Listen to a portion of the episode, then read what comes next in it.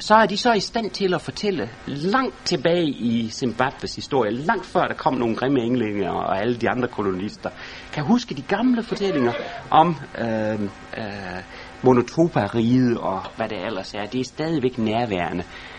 Det samme, nøjagtigt det samme er det jo, vi har også i en rigtig øh, hverdagskultur som det gamle testamente øh, og med fortællingerne fra det gamle testamente. Det gør så, at når vi taler om litterære øh, kvaliteter, og når vi taler om øh, traditionelt hverdagssprog, så er vi nødt til at gå det næste skridt videre og sige, at vi også har den historiske dimension øh, stærkt fremme. Hvert eneste skrift i Gamle Testamente er i virkeligheden øh, en del af Israels historie. Selv salmerne for eksempel er jo livserfaring og personlige, det er personer i det gamle Israel, største delens vedkommende. Ikke nødvendigvis en upersonlig kult, som vi ellers har fået påstået og hæftet på ærmet i lang tid. Men salmernes egen situation er jo ovenikøbet øh, den her dybt davidiske rådfæstning af øh, lovprisningen og øh, det giver jo også en meget, meget dyb historisk vinkling over selv sådan noget som salmerne der ellers i andre henseender er utrolig generelle i deres brugsværdi. Det er materiale, vi har i Gamle Testamente over et år tusind fra øh, mangfoldige øh, navngivende, men også anonyme forfattere. En stor antologi, kunne man sige. Et samleværk med mange forskellige bidragsydere, dog forenet i en ånd. Mange bidragsydere, men forenet i en ånd. Og så er det sidste og største, det er vel for Gammeltestamentets vedkommende, at det er teologisk forkyndelse. Gammeltestamentet er gennemvævet og gennempræget af øh, Guds åbenbaringen, af troen på den ene og almægtige Gud, øh, Israels monoteistiske tros øh, bekendelse præger al litteraturen, øh, uanset hvor mange religionshistorikere der måtte sige det modsatte. Det er en, en, øh, et historisk udvalg af alt afgørende teologisk betydning, og det vigtigste det er faktisk at fokusere på, hvordan bidrager de her til Israels historie med Gud og vores forståelse for Gud. Det er ikke myter, vi har i Gamle Testamente. Øh, der er ingen, intet øh, mytologisk præg, men vi har samtidig en virkelighed med, at Gud eller Herrens engel åbenbarer sig ind i vores verden. Det er ikke savn, Øh, men der sker mange under- og, og øh, overnaturlige ting og hændelser, som er øh, optegnet i Gamle Testamente. I den forstand så er det teologisk øh, budskab, som vi også finder her, hvor teologi og øh, livsvejledning, etik, forenes i et teologisk livssyn, et fuldstændig unikt tilværelsessyn. Det er det, vi har i Gamle Testamente. Så Gamle Testamente er godt at formidle som fortælling. Og det skyldes altså, som vi så også har set, at det i det hele taget var indrettet som sådan.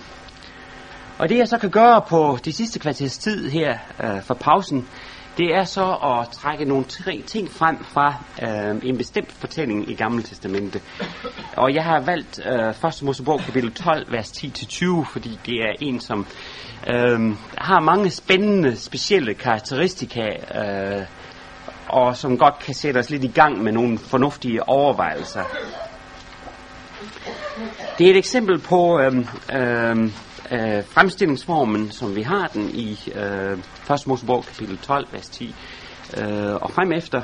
Og I kan se på øh, i øh, figur 1, øh, hvordan teksten er stillet op, øh, sådan så øh, jeg indrykker forskellige materialetyper. Det, der står yderst til venstre, øh, det er sådan set øh, øh, baggrundsinformation, øh, det er beskrivelse, vi har der øh, ved indledningen af scenerne og den slags ting. Og så kommer den egentlige beretning, det som vi også nogle gange kalder fortælletråden. Øh, den er rykket et punkt ind. Øh, så kommer så to punkt indsrykning, det er de direkte citater, altså replikkerne.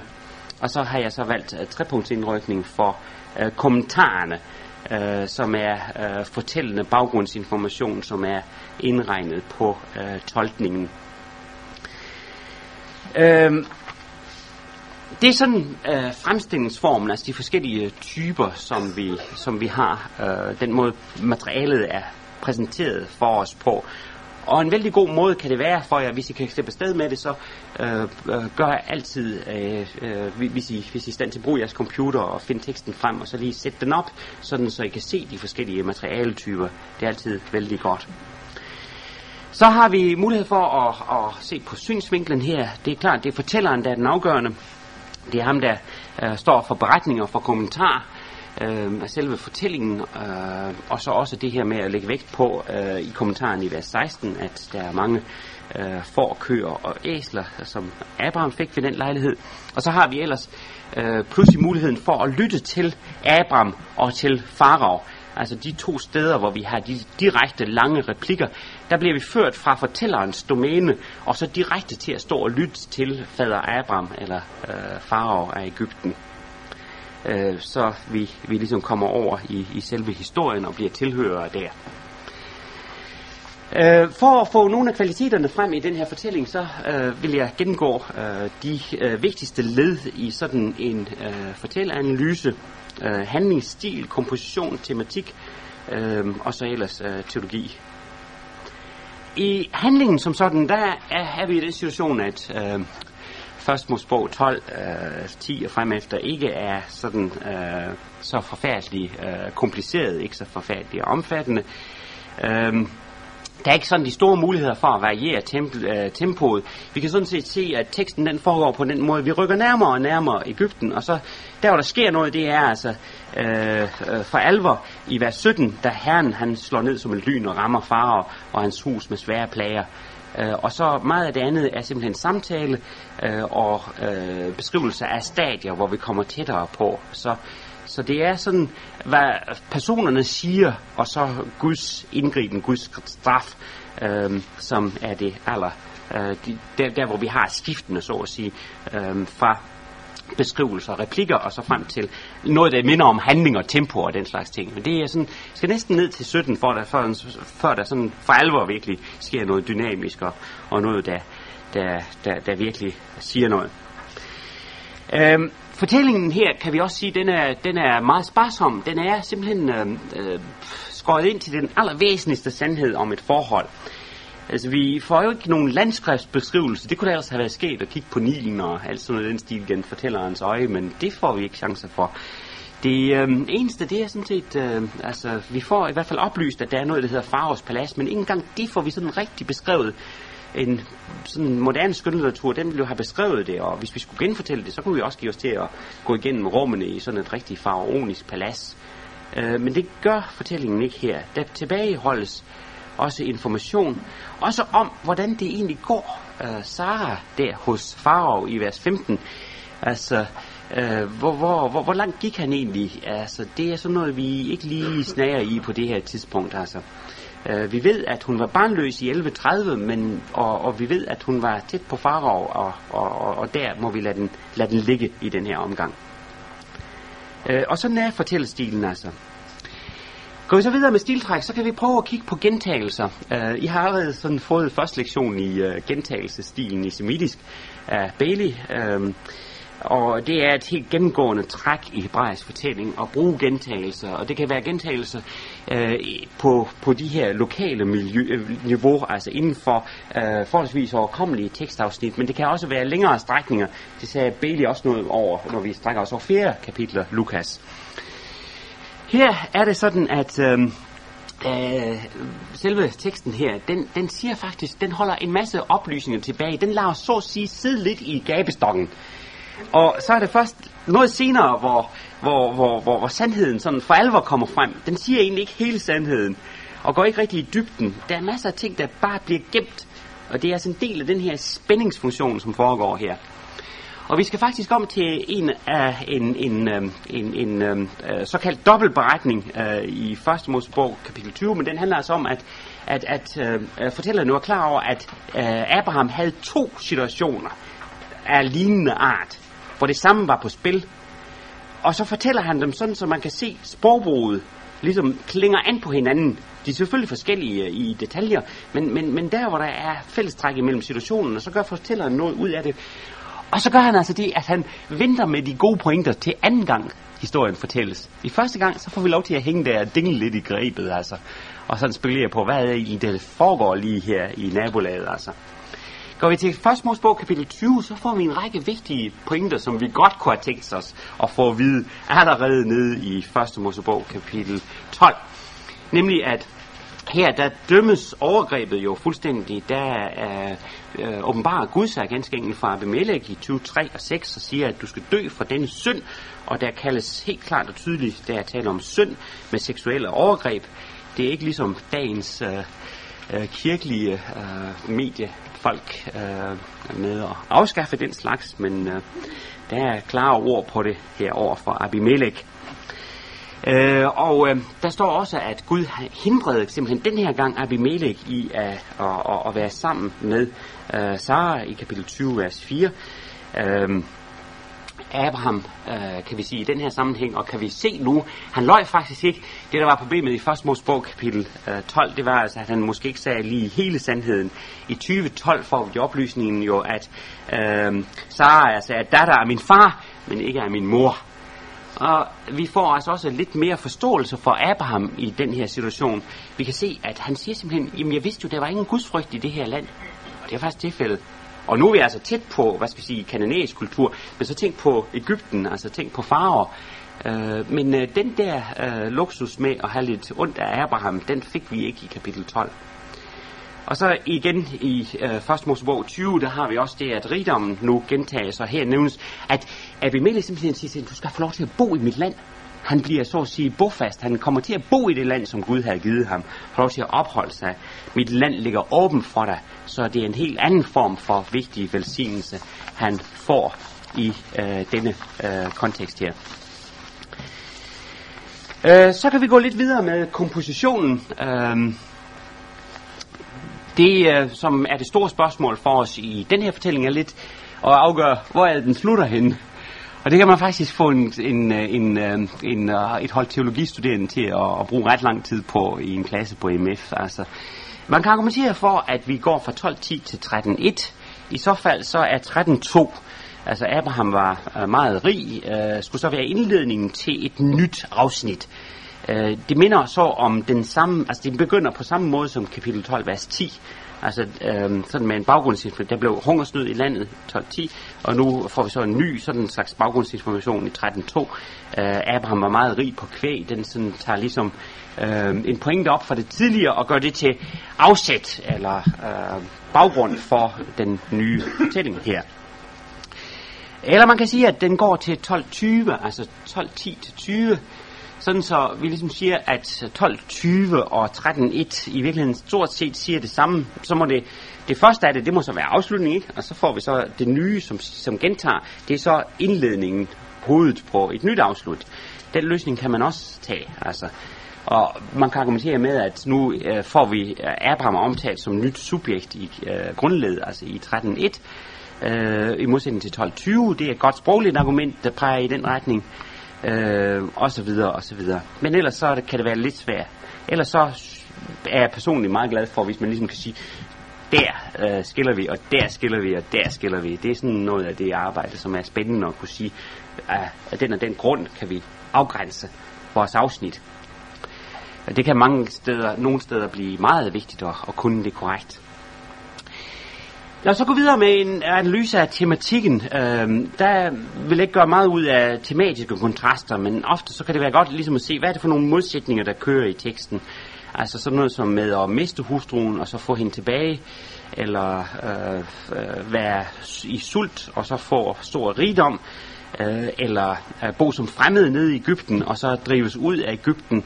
Altså alle de her øh, træk kan være, hjælp til, kan være en hjælp for os til ligesom at få nogle kontraster frem, som kan give os noget dybere forståelse af, hvad er det for nogle hovedmodsætninger, der kører i teksten. Tematikken kan også være et spørgsmål om, og er i Bibelen specielt et spørgsmål om øh, personbeskrivelsen. Øh, og der har vi jo det, at, at uh, Gamle Testamente uh, meget, meget, meget sjældent uh, går ind og, og, og beskriver folk i detaljer, altså, og, og egentlig øh, har den her øh, psykologiske karakteristikker, som vi kender så godt fra moderne litteratur. Vi ser dem sådan set bare handle øh, vi ser dem og hører dem så afsløre sig selv, specielt i samtalerne, som er det her voldsomt effektive øh, redskab, hvor vi jo kommer til at, at lytte til dem. Altså vi hører simpelthen Abraham tale, øh, og det er der, vi så også hører lidt om, altså gennem det han siger, hvem er han egentlig altså. Og det er klart, det er, det er sådan ligesom her, hvor teksten den virkelig, hvad skal vi sige, næsten brænder lidt på, altså, fordi der er der selvfølgelig en kontrast her imellem Abrahams og Faros replikker i vers 12-13 og vers 18-19, og det er faktisk det, der fylder mest, altså. Det er sådan så, så det er sådan, altså, der hvor vi hører dem selv tale, er også øh, de omfattende dele af teksten. Og det er jo altså, vi får bare lov til at høre Stakkels Abrahams det, altså, så kan du ikke, øh, altså, jeg er bange for at dø, kan du ikke sige, at du er min søster. Færdig arbejde. Og, og så hører vi altså så uh, Abraham, eller Farao med senere hen jo altså, hvad er det dog, du har gjort imod mig? Hvorfor fortalte du mig ikke, at hun var din hustru? Hvorfor sagde du, at hun var din søster, så jeg tog hende til min hustru? Her har du din hustru. Tag hende og skrid, eller og gå. Um, og det, som så sker i den her situation, det er egentlig, at øhm, jamen, øh, at nu Lindhan, han vil gerne have, at vi øh, også fokuserer på andre bud end det sjette, så det er sådan det ottende bud, vi så får her. Og øh, altså, men i stedet for ligesom at sige, du må ikke lyve, at du skal sige hele sandheden, så får vi altså, og det er jo sådan den enkle, øh, den enkle ligefrem forbud, og meget vigtigt, at vi får det, men Bibelen har meget mere end de her bud, som vi slås om en gang imellem. Øh, de har altså også en mulighed for at udtrykke den samme sandhed gennem en hednings nedværdigende dom over selveste fader Abraham. Sådan så vi i de her ord, altså Gud han taler sådan set gennem faraos mund her, øh, og er med til at dømme Abraham og udstille den grumme sandhed om Abraham selv. Øhm, og så er der så også andre nøglehår, som at øh, behandle godt. Altså vi skal nogle gange kigge på, på nøgleord og den slags ting. Øh, de sidste øh, få, ja, jeg tager lige et par minutter over, øh, fordi det er lidt smartere, at jeg lige gør det her færdigt, så vi kan tage noget frisk næste gang. Øh, jeg håber ikke, at øh, det kommer til at, at genere jer for meget, men øh, bare lige sådan for at få rundet pænt af. En, øh, ja, bare det bliver før klokken 5, var det det, jeg sagde. Nej. Øh, men bare lige lidt med teologien til sidst. Altså, der er masser af muligheder for refleksion i øh, lyset den her.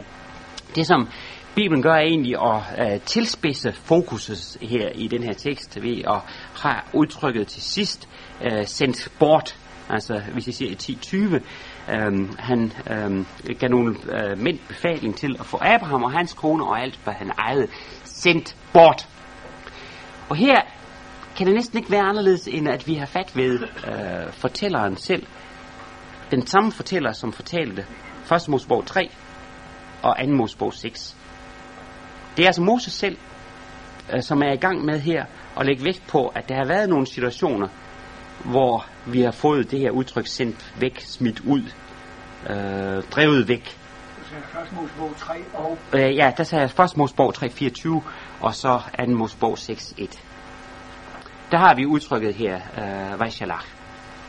Send ud, smid ud, øh, væk. Øh, og der har vi ligesom, altså her til sidst her henne i sådan, hvor vi runder af, hvor vi får moralen frem, en øh, fokusering på, at øh, det er måske lige her, vi skal have fat i noget af tematikken. Se, vi kan jo selvfølgelig tale om, en mulighed det er at vise, altså, Abraham har jo simpelthen smart, ikke? Altså, han behandler sin kone på den der måde, og så tjener han ovenkøb penge på det. Det er sådan en, øh, det er en vision, vi vil høre nogen tale om.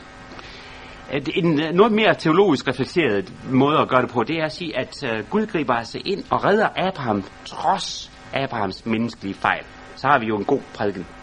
Altså, der er en, en Gud, som er tro imod sine løfter. Også selv når vi svigter de her løfter.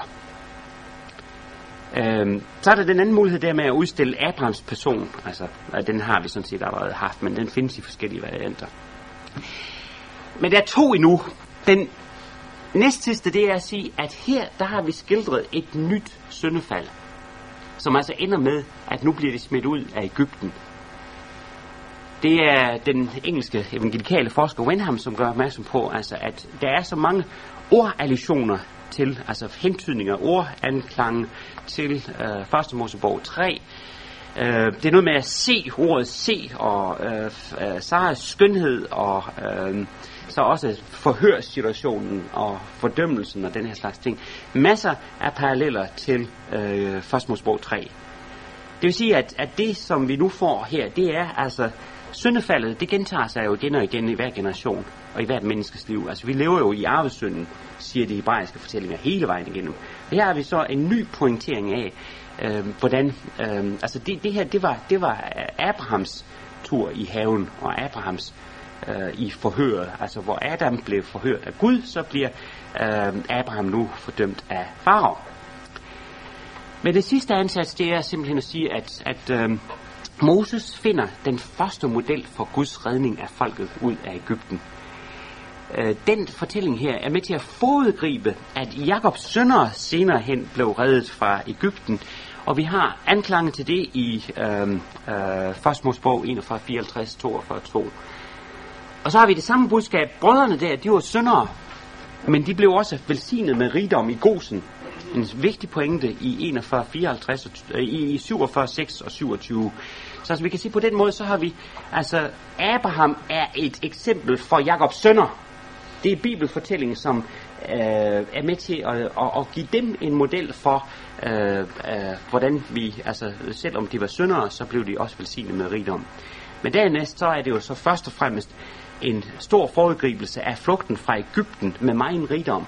Det er faktisk en vigtig pointe i skriften, at øh, Gud, altså så at sige, øh, betalte øh, Israels folk tilbage. Og det som, altså da de her 430 års lidelse, de bliver så at sige betalt med øh, renters rente. Øh, Gud sender dem øh, ud af Ægypten med øh, rigdom. Han driver dem bort. Han fik sendt dem ud. Dermed har Moses så brugt Abrahams fortælling øh, til sådan set at øh, give et første eksempel på, at øh, allerede Abraham han dannede skole, var en model. Det var en, som vi kan lære af. Øh, Gud handler på samme vis igennem historien.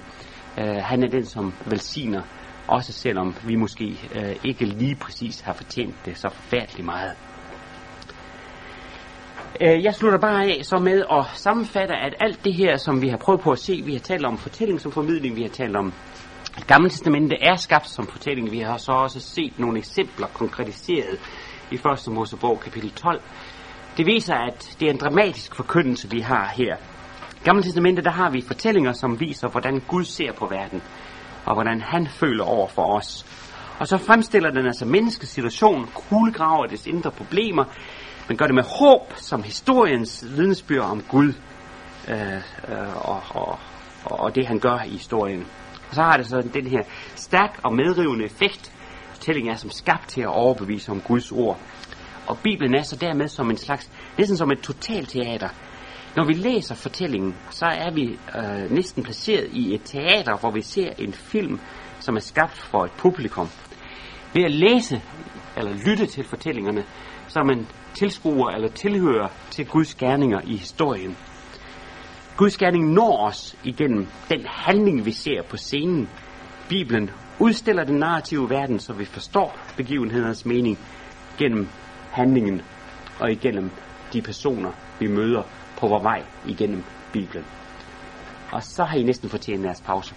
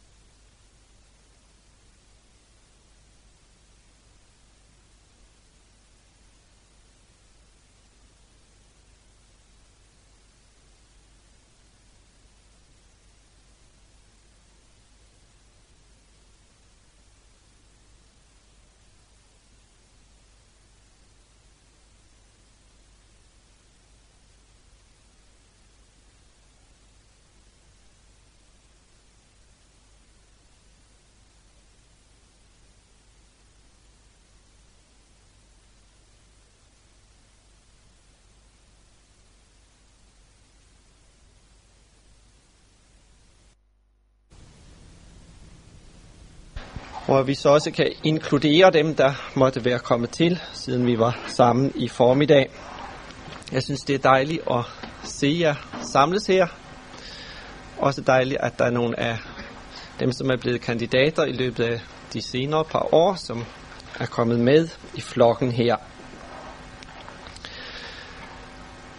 I går så var der en kronik i Kristelig Dagblad, som handlede om bibelfortællingen, som knyttede til ved debatten om undervisningen i kristendommen i skolen, og som plæderer for, at bibelfortællingen skal få en renaissance, at netop det vil give en ny, spændende vinkel på faget, en pædagogisk vinkel, og en måde at fremstille kristendom på, som vil være relevant for alle grupper i det danske samfund.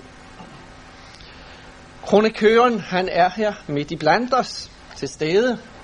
Det var nemlig Nikolaj, og øh, han skal forelæse for os nu om noget, der har relation til det her, som man altså også havde skrevet om, og i den forbindelse også præsenteret vores anden forelæser og vores hovedforelæser, ba- Kenneth Bailey. Men nu vil øh, Nikolaj forelæse os for os om forkyndelsen ud fra det gamle testamentets fortællinger, og det synes jeg lyder rigtig spændende. Det kommer til at falde i to afdelinger om fortællingen i det gamle testamente. Så holder vi øh, en kaffepause, og så fortsætter vi med forkyndelse ud fra 1. Mosebog, kapitel 22. Så vi giver ordet til Nikolaj nu. Værsgo.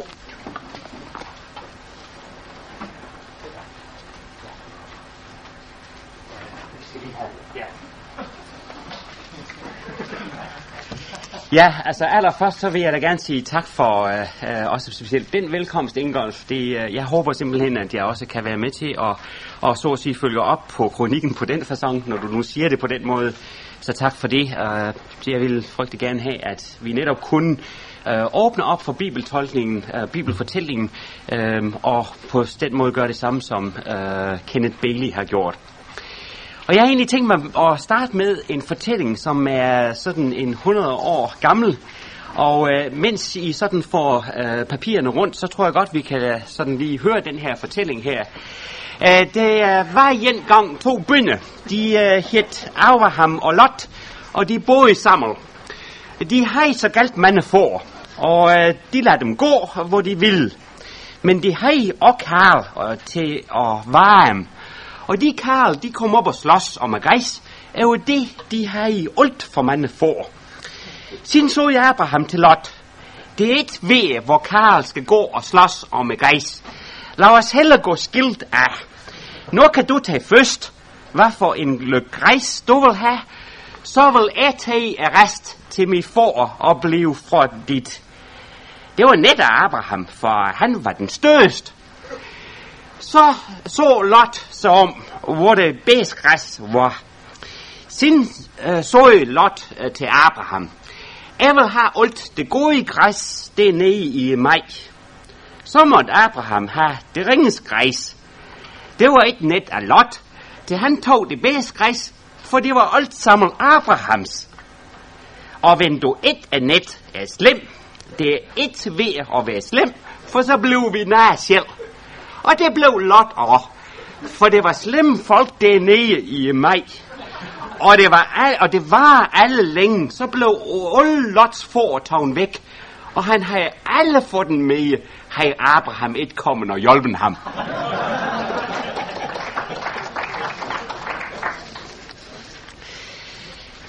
Det er et eksempel på øh, en øh, lille bog, der blev udgivet. De Mutterschule hedder den. Otte bibelske fortællinger på sønderjysk, fortalt af Johannes Iversen, en lærer. Og den blev udgivet af Karl Andresen for Ule, Herreds Danske Menighed i Tarp, og blev udgivet i kommissionen i Padborg Boghandler og en hel masse andet. Men det er et eller andet sted i 1901-1905 kommer den her lille øh, udgivelse med en skolelærers timeforberedelser i det herrens år 1899. Det er Johannes Iversens bibelfortælling, vi står overfor her. Og det er klart, at det første, der er tale om, det er, at det er bibelfortællingen på modersmålet. Og det betyder jo noget for vores sønderjyge, at få det sønderjysk sprog brugt.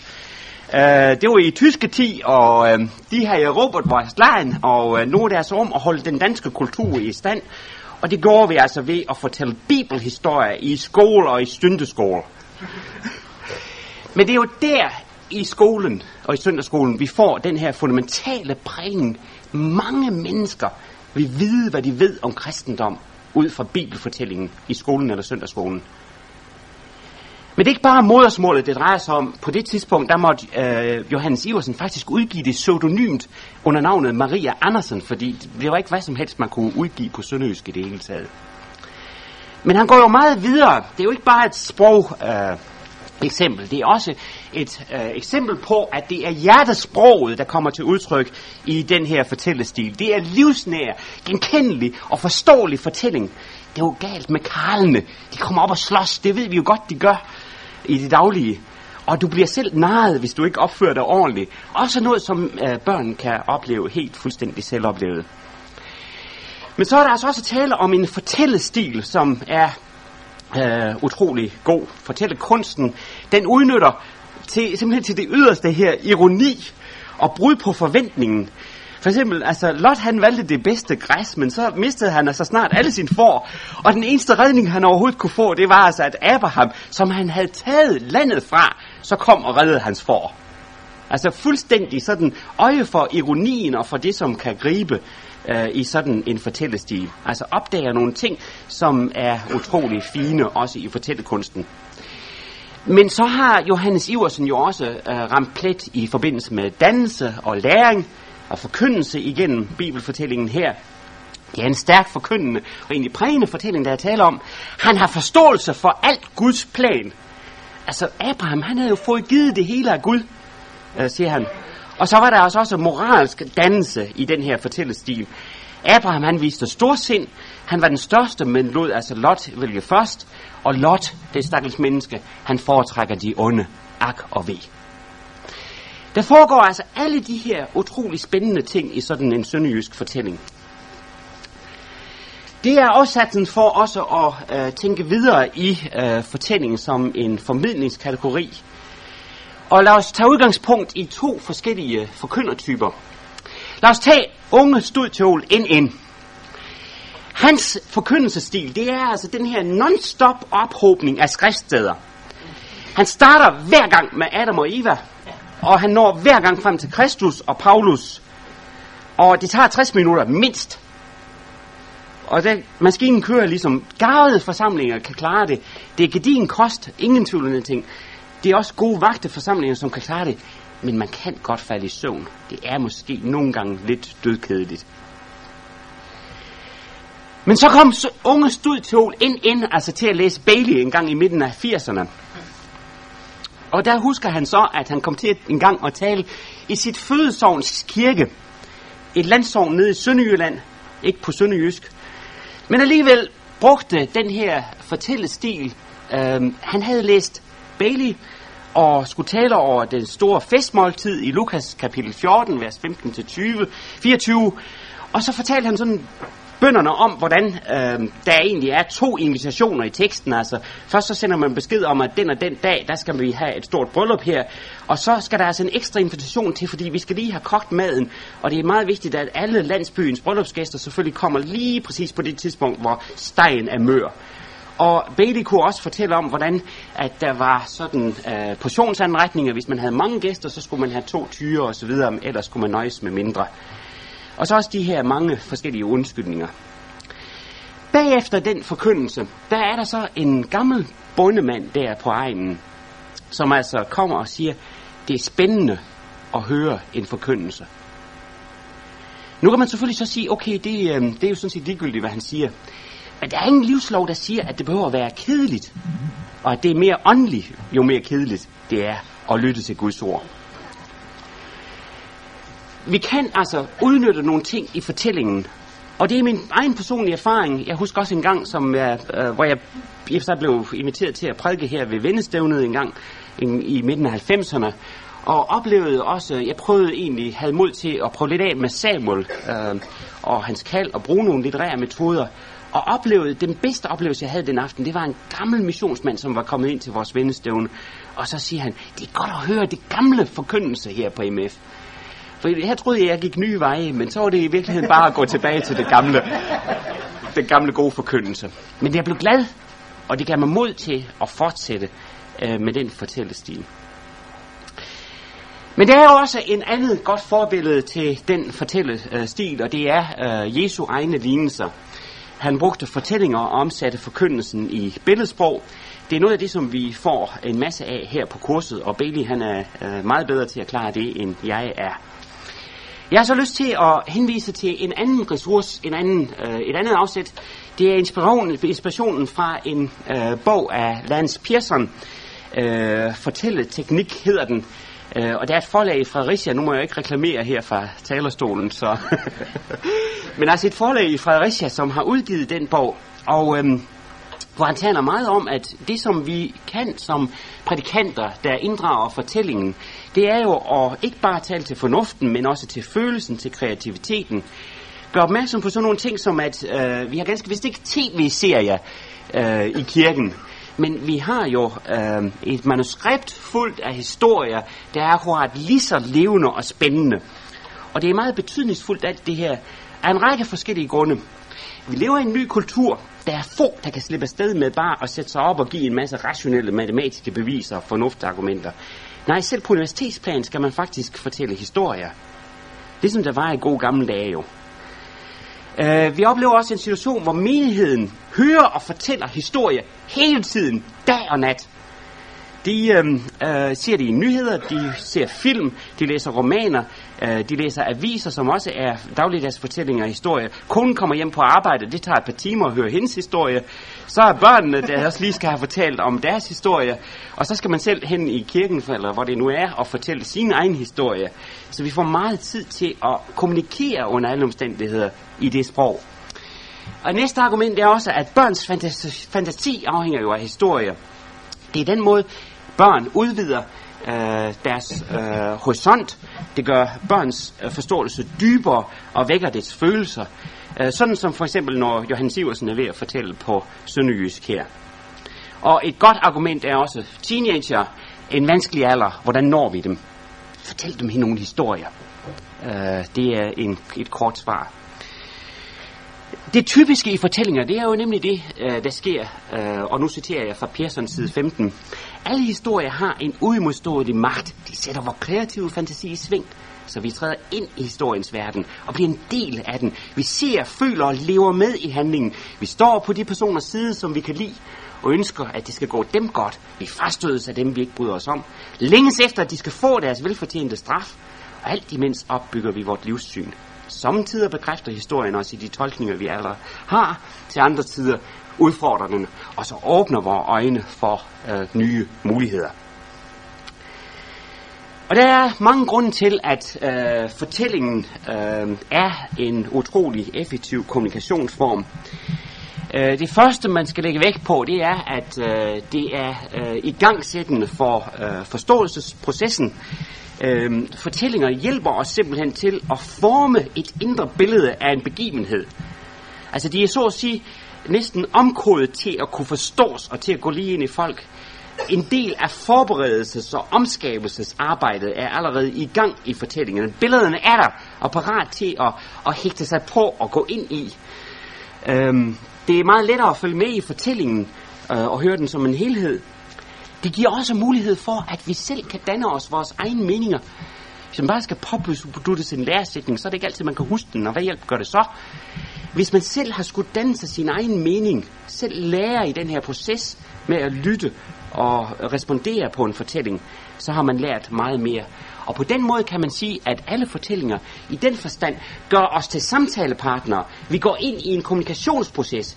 Vi er inde i en interaktion, når vi øh, hører og fortæller historier. Det andet argument, det er, at det er en meget engagerende øh, form. Det er engagerende som sensationsstof. Altså kedelige ting, det gider vi ikke at høre på ret længe. Men historier har det med at blive fortalt netop med sensationselementerne. De spændende ting bliver draget frem i tingene. Fortællinger er underholdende på den måde, også stimulerende. de er i stand til ovenikøbet at trylle binde os, så vi glemmer, hvor vi er, og bliver trukket ind i historien. Sætter os i gang ved spændingseffekter, chokvirkninger en gang imellem, øhm, humor, uforståelig detalje, kan få os til at tænke i timevis. Og så det tredje, det er så, at det er identitetsskabende igennem de her identifikationsmulighederne. Vi har ikke kun øhm, billederne, vi har ikke kun sensationen, men vi har også identifikationen. Muligheden for at genkende os selv i de her fortællinger. Fortællinger inddrager hele vores personlighed, handler om forskellige øh, mennesker. Vi øh, ser en stor udvalg af mange forskellige typer, som kan være med til at give os muligheder for at, og så at sige, føle os hjemme i en fortælling. Og så kan vi identificere os med helten og gennemleve hans fare og hans sejre. På den måde så skaber det en dialog, giver os et mønster, hvor vi kommer ind i en personlighedsdannende proces, hvor, som jo består i det med, at altså personlighedsdannelse er meget et spørgsmål om genkendelse og også selvreflektion, og så en udvidelse af vores horisont. Og alt det har vi mulighed for ved at blive fanget ind af en fortælling. Sætter vi os til at tænke på os selv og gå dybere og dybere ind i sjælen, så er det jo ikke særlig sjovt. Og, jeg mener, jo længere ned man kommer, jo værre ting opdager man. I fortællingen, der får vi mulighed for en forankring et andet sted, et modspil, et udvidende impuls. Det er, han har sagt nogle gange et elektrochok, kunne man også sige. Det giver os en helt ny mulighed.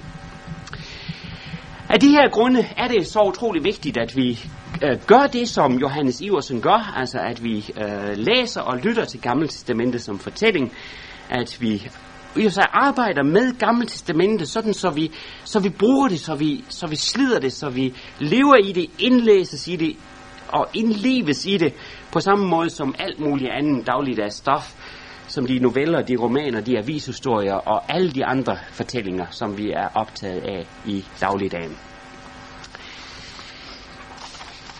Alligevel kan vi gå et skridt videre. Øh, Gamle Testamente er en fabelagtig øh, formidlingsform. Øh, og fortællingen kan øh, på den måde bruges til at gøre Gamle Testamente også utrolig relevant i dag. Netop som formidling. Men det er ikke bare det, det drejer sig om. Der er mere i øh, den her case for Gamle Testamente som fortælling. Øh, og det er jo, at Gamle Testament i sig selv er skabt som en fortælling. Altså simpelthen fra begyndelsen af er kodet ind, er beregnet på at blive brugt, læst øh, som fortælling. Det har simpelthen et særpræg som fortælling. Det er noget af det, som øh, også moderne øh, bibelforskning er ved at opdage, takket være folk som Bailey og andre. Altså, der er masser af folk, som vi kunne gøre opmærksom på. Og de er alle sammen med til at hjælpe os at forstå nogle af de her øh, fortællekvaliteter, litterære kvaliteter. En af de første, som øh, øh, var med til at, at tale om det her, det var en amerikansk litteraturprofessor, jøde, øh, Robert Alter, øh, som faktisk plæderer for, at vi i øhm, øh, moderne skønlitterær fortælling finder den fortællekunst, der udvikledes i det gamle Israel, altså de første på banen til overhovedet at bruge de ting, som vi genkender i et moderne skønlitteratur, det var faktisk de gamle fortællere i Gamle Testamente. De skabte en helt ny genre, så at sige. Øhm, og derfor så er det ikke så mærkeligt, at, at, at vi genfinder øh, nogle ting i Gamle Testamente, som vi øh, også har på den nutidige scene, og som er blevet udviklet meget mere i dag.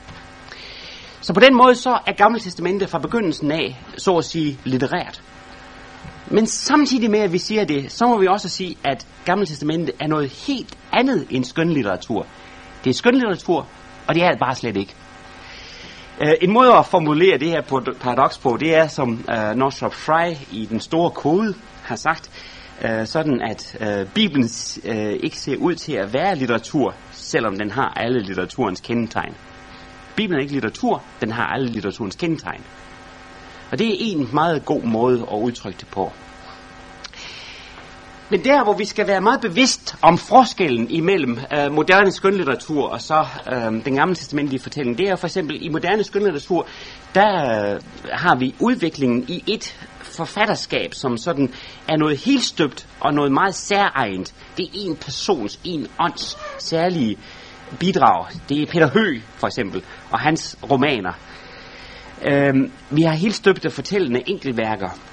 Øh, men der er store forskel til Gamle Testamente. I den moderne skønlitteratur, der har vi en verden, som kun eksisterer i denne tekst.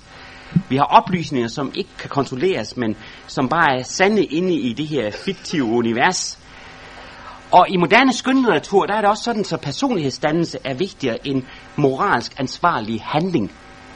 En moderne skønlitteratur, den kan lade os ligesom sidde der og tænke og danne personligheder, men uden at, at, at lave, respons, uh, lave ansvarlig handling. Altså, uh, hvor jo Gamle Testament jo i høj grad er netop uh, moralsk, etisk og forkyndende, vejledende. Um, I moderne skønlitteratur, der satses også på flertydigheder og flydende betydninger. Og det er lidt en skam, at meget moderne litterære metode og læsning af Gamle Testamentet lige præcis har rendyrket det, som bare er et, for, er et moderne fænomen, og som ligesom hører sammen med, at vi lever i en, i en tid, hvor, hvor, hvor livssyn og tænkning er amoralsk, og måske nogle gange dyrker det grimme, alle de her ting. Det er for et life-spor, så det skal jeg nok også holde mig fra. Men sådan er Gamle Testament ikke. Sådan er fortællingen i vores Bibel ikke. Den bedste måde at udtrykke, hvad Gamle Testamentet så er, er egentlig at tale om, at øh, vi har bøger i Gamle Testamentet, som øh, rækker langt ud over et litterært univers. Vi har i Gamle Testamente fire aspekter. Vi kan sige, at, at gamle, fortællingen i Gamle Testamente i hvert fald ligesom har fire dimensioner. Der er fire forskellige synsvinkler, som hele tiden er vævet ind i hinanden. Det er firedimensionalt. Tænk på en kasse eller noget i den stil med fire vægge. Det ene det er selvfølgelig, at vi har øh, en litterær stil i Gamle Testamente. Øh, Gamle Testamentet, det er litteraturen, en særlig kanonisk litteratur fra det gamle Israels tid, og det har et meget litterært præg, altså rigtig ordentlig udgivelse. Det består også i hovedtræk af øh, fortællinger, øh, så er der lov og lister i gamle i, i, i 3. Mosebog, og, altså listerne, bylisterne i Osvar og den slags ting. Men øh, meget er fortælling. Og så i andre dele, der er der øh, digte. Og så har vi selvfølgelig profetdiskurser og andre ting. Men, men, men man kan godt sige, at, at nogen har ville sige, at vi har simpelthen to stile. Vi har øh, fortælling, og så har vi øh, øh, poesi i Gamle Testamente. I den forstand er Gamle Testamente litterært. Og øh, hvis man tager Bibelen som helhed, så er der 22 bøger ud af de 66, som er fortællende. Men i omfang svarer det til, at halvdelen er ren fortælling. Så det er, en, det er jo i hvert fald noget stof at tage af. Det næste, vi skal tale om, det næste dimension, det næste aspekt, er, at Gamle Testamente ikke bare er øh, litterær i stilen, men det er traditionel hverdagssprog. Gamle Testamente er en mangfoldig sammenblanding af slægtsregister, bylister, love, lyrik, ordsprog, rejseberetninger, alt muligt, spredt rundt imellem fortællingerne. Historiefortællingen fra Moses tid og så fra Israels senere historie, som vi har det i Josfa og kongebøgerne, er bygget op over små fortællinger, et imellem det andet stof, og de her små fortællinger har præget af at være fortællinger mand og mand imellem. Er lidt det samme præg, som vi også kan se i Iversen, ikke? Lærer og skoleklasse imellem. Altså, det er den her personlige, stærke, øh, traditionelle, hverdagssproglige fortællingsstil, vi finder. Altså ikke de der store, sådan sukkersøde romanfortællinger, og hvad ved jeg, vi har i vores kultur. Men fortællinger mand og mand imellem.